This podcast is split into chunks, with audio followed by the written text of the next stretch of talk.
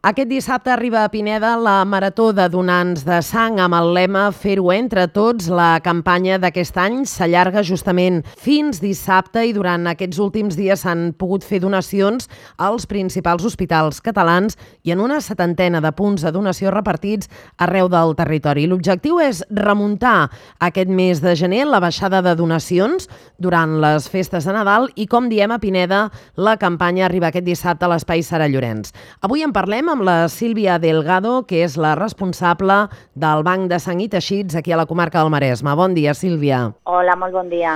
Bé, és una marató de donants de sang que organitza el Banc de Sang i Teixits. Hem vist que el repte aquest any és arribar a les 10.000 donacions. Bé, explica'ns una mica per què s'organitza.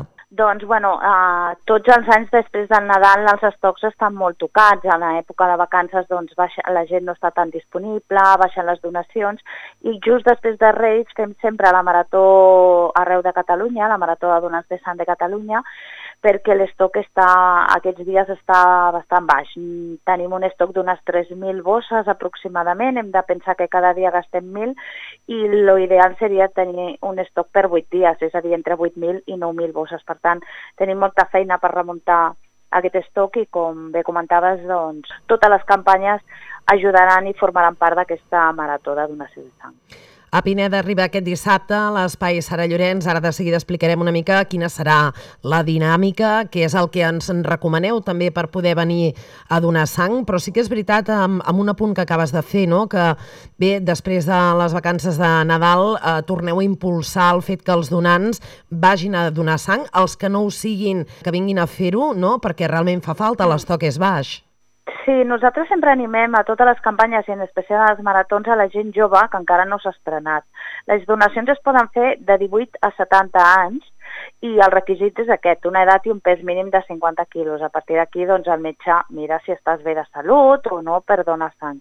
Llavors, tots aquells joves que encara estiguin rumiant-s'ho o que no hagin fet el pas, ara és un molt bon moment perquè, com us deia, ens passa també al setembre, després de l'estiu o just després de Setmana Santa, són èpoques per nosaltres que ja es preveuen crítiques, però aquest any realment ha sigut especialment crítica. No? Tenim també el Covid un altre cop, tenim la grip, tenim que comença a fer molt de fred, tot això de vegades fa que la gent sigui una mica reticent. Per tant, animem la població de Pineda, la veritat és que sempre respon i és molt solidària i fem campanyes durant tot l'any, a festa major, a l'hivern, vull dir, sempre respon, però bueno, ens hi animem tota aquesta gent, com dius tu, que encara no han fet la seva primera donació, que la facin a, a la Sara Lliurent. Sílvia, acabes de comentar uh, un fet que és obvi aquestes últimes setmanes amb tot l'impacte d'aquests contagis no? per, per la grip, la, la Covid. Clar, quin és l'impacte real d'aquests virus respiratoris pel que fa en, en les donacions de sang? Bueno, per nosaltres, de moment, la situació no és com l'època del Covid. Sí que és veritat que s'han tornat a instaurar les mascaretes als hospitals i als centres sanitaris, però no a les campanyes de donació de sang com la que farem a la Sara Llorenç. Dit això, una persona, òbviament, que tingui sintomatologia de Covid o estigui passant el Covid no pot donar sang. Però sempre recalquem el mateix, no és un virus que es transmeti a través d'una transfusió de sang, vull dir, és un, un virus que es transmet a través de la respiració, no?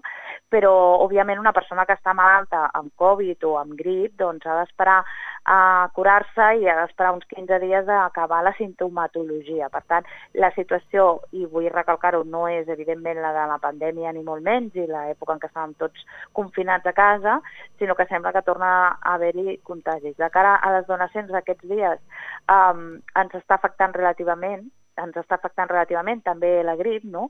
Per tant, tota aquella gent que, com us comentava abans, estigui sana però li faci mandra doncs, que, que s'espolsi aquesta mandra i que ens ajudi a remuntar l'estoc que, com us deia, aquest any és especialment crític. Mm. També et volia preguntar per les persones que s'acaben de, de vacunar justament mm. contra malalties com, per exemple, la grip i la sí. Covid-19. Poden donar sí. sang? Sí, sí poden donar sang sempre i quan hi ha molt poca gent, però hi ha un percentatge molt petit de gent que quan es vacuna té un parell de dies d'una mica de febrícula. És super improbable, però passa, però no només amb la Covid i, i amb la grip, sinó que quan fas un viatge et poses alguna vacuna com la de la febre groga, no? Hi ha gent que li fa reacció a aquesta vacuna. Si no ha fet cap reacció, és a dir, que a mi m'han vacunat un dilluns i el dimarts estic perfecta, no tinc febre, puc donar sang sense cap mena de problema, independentment de la vacuna que m'hagin posat. D'acord, no, està bé també fer, fer aquest apunt, sí. perquè a vegades són dubtes que, que sí. poden tirar enrere una persona per anar sí. a donar sang.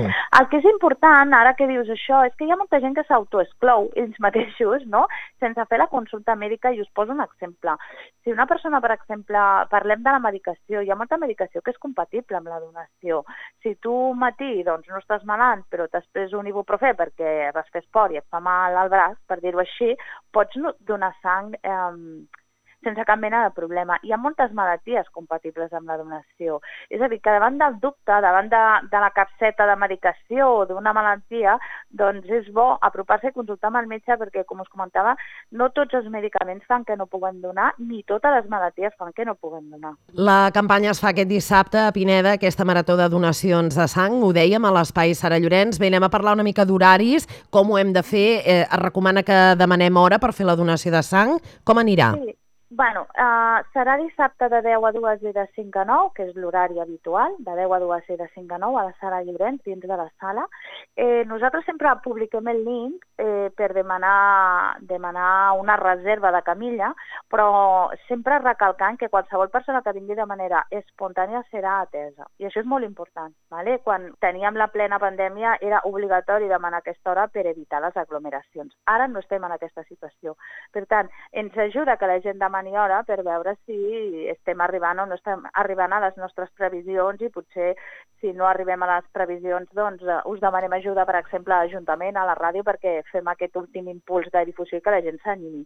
Però, dit això, recalcar, que ja fa molts mesos que ho repetim, que qualsevol persona que no ho tingui clar i de manera espontània el dissabte es presenti serà atès i podrà fer la seva donació. Per tant, Sílvia, per, per acabar, quina és la crida també que, que em voleu fer, en aquest cas com a promotora del Banc de Sang aquí al Maresme?